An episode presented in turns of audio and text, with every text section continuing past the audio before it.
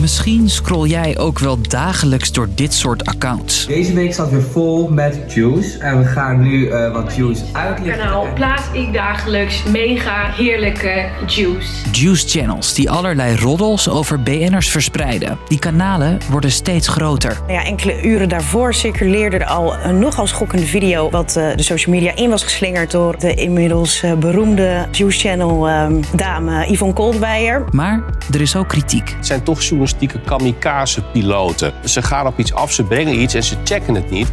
Mag je via Instagram of YouTube dit soort roddels eigenlijk zomaar verspreiden?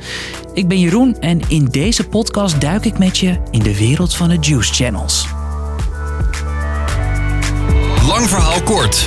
Een podcast van NOS op 3 en 3FM goed, de waarheid moet gezegd worden. En dit is dan ook even het moment voor ons om... De waarheid. Is dat niet zo'n nummer van die gozer? Roddelpraat, Fari Not Sorry, Life of Yvonne. Allemaal zijn het roddelkanalen die via YouTube of Instagram... nieuws en geruchten verspreiden over BN'ers. Heel veel roddelsites hadden het al uh, benoemd... maar wij kunnen het echt bevestigen. We hebben het uit eerste hand gehoord. Dat nieuws verzamelen ze op verschillende manieren. De accounts zijn bijvoorbeeld erg actief op social...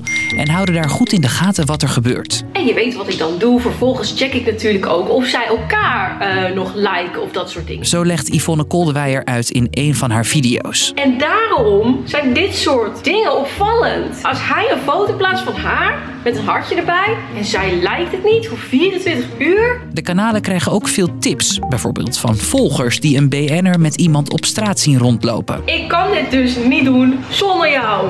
En dat maakt dit zo ontzettend leuk. Wij doen dit samen. Dit soort juice-kanalen zijn de laatste maanden enorm gegroeid.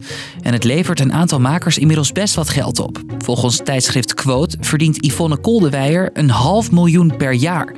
Dat geld komt onder meer van advertenties, partnerships en haar volgers. Ik ga een heel klein clubje van jullie ga ik extra juice sturen. En dat betekent dat je dus maandelijks voor 10 euro per maand extra juice op je telly krijgt. Een Juice-kanaal kan je dus heel wat geld opleveren. Maar volgens de accounts is dat niet de hoofdreden waarom ze doen wat ze doen. Ja, dit is Jan. en dit is Dennis. Met de rollen praat schoppen we overal tennis. Uitgekotst. Door al die vieze media, de enige ja die nog zeggen waar het echt op staat. Volgens Juice-kanalen zijn de klassieke roddelprogramma's te politiek correct. We zijn natuurlijk allemaal opgegroeid met shownieuws en RTL Boulevard. Maar laten we gewoon heel eerlijk zijn. De laatste jaren is het gewoon één zoutloze meuk geworden. En ook vinden ze de programma's weinig onafhankelijk. Van de mainstream media denk aan RTL Boulevard shownieuws. Want daar werken natuurlijk best wel veel vriendjes uh, die zich als deskundigen voordoen.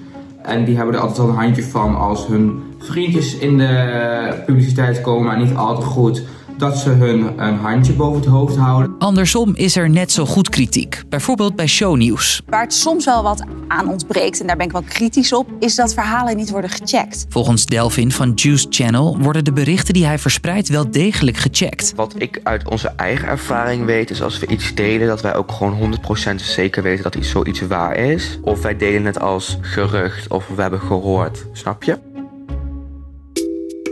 Los van of het waar is of niet, wat mag je als YouTuber eigenlijk over BN'ers delen? Dat checkte ik bij jurist en YouTuber Charlotte Meindersma. Juice-kanalen mogen eigenlijk bijna alles zeggen wat ze willen. In de zin dat zij ook gewoon het recht op vrijheid van meningsuiting hebben. En de grens ligt dan eigenlijk wanneer dat botst met andere grondrechten, zoals het recht op privéleven en het recht op eer en goede naam. En soms zoeken de kanalen, net als de klassieke roddelpers, de grenzen op. Nou, het kan leiden tot uh, smaad, want smaad gaat over het verspreiden van waarheden, waarmee je dus het doel hebt om daar een groter publiek mee te bereiken. En ook met het idee dat je daar echt iemands eer en goede naam mee aantast. Uh, dus in theorie uh, kan daarvan aangifte gedaan worden dat is wel een belangrijke bij smaad. Het, het, moet altijd met een aangifte en een zogenaamde klacht. Dus de politie of het Openbaar Ministerie kan niet zelf zomaar dit gaan vervolgen. Dit weekend deelde Yvonne Koldewijer bewakingsbeelden waarop Lil Kleine te zien was.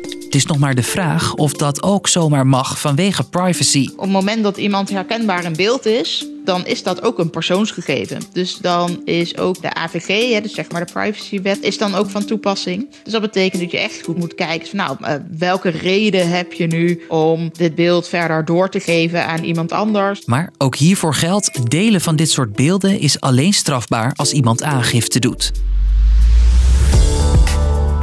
Dus, lang verhaal kort. Instagram-accounts en YouTube-kanalen die roddels over BN'ers verspreiden worden steeds populairder. Met tips van volgers en speurwerk op social media brengen ze allerlei juice naar boven. Daarop is ook kritiek, omdat de kanalen hun roddels niet zouden checken. Onzin, zeggen de makers zelf, en al zoeken ze de grenzen op, wat ze doen is niet per se strafbaar. Morgen rond 5 uur staat er weer een nieuwe lang verhaal kort bij in de app. Bedankt voor het luisteren.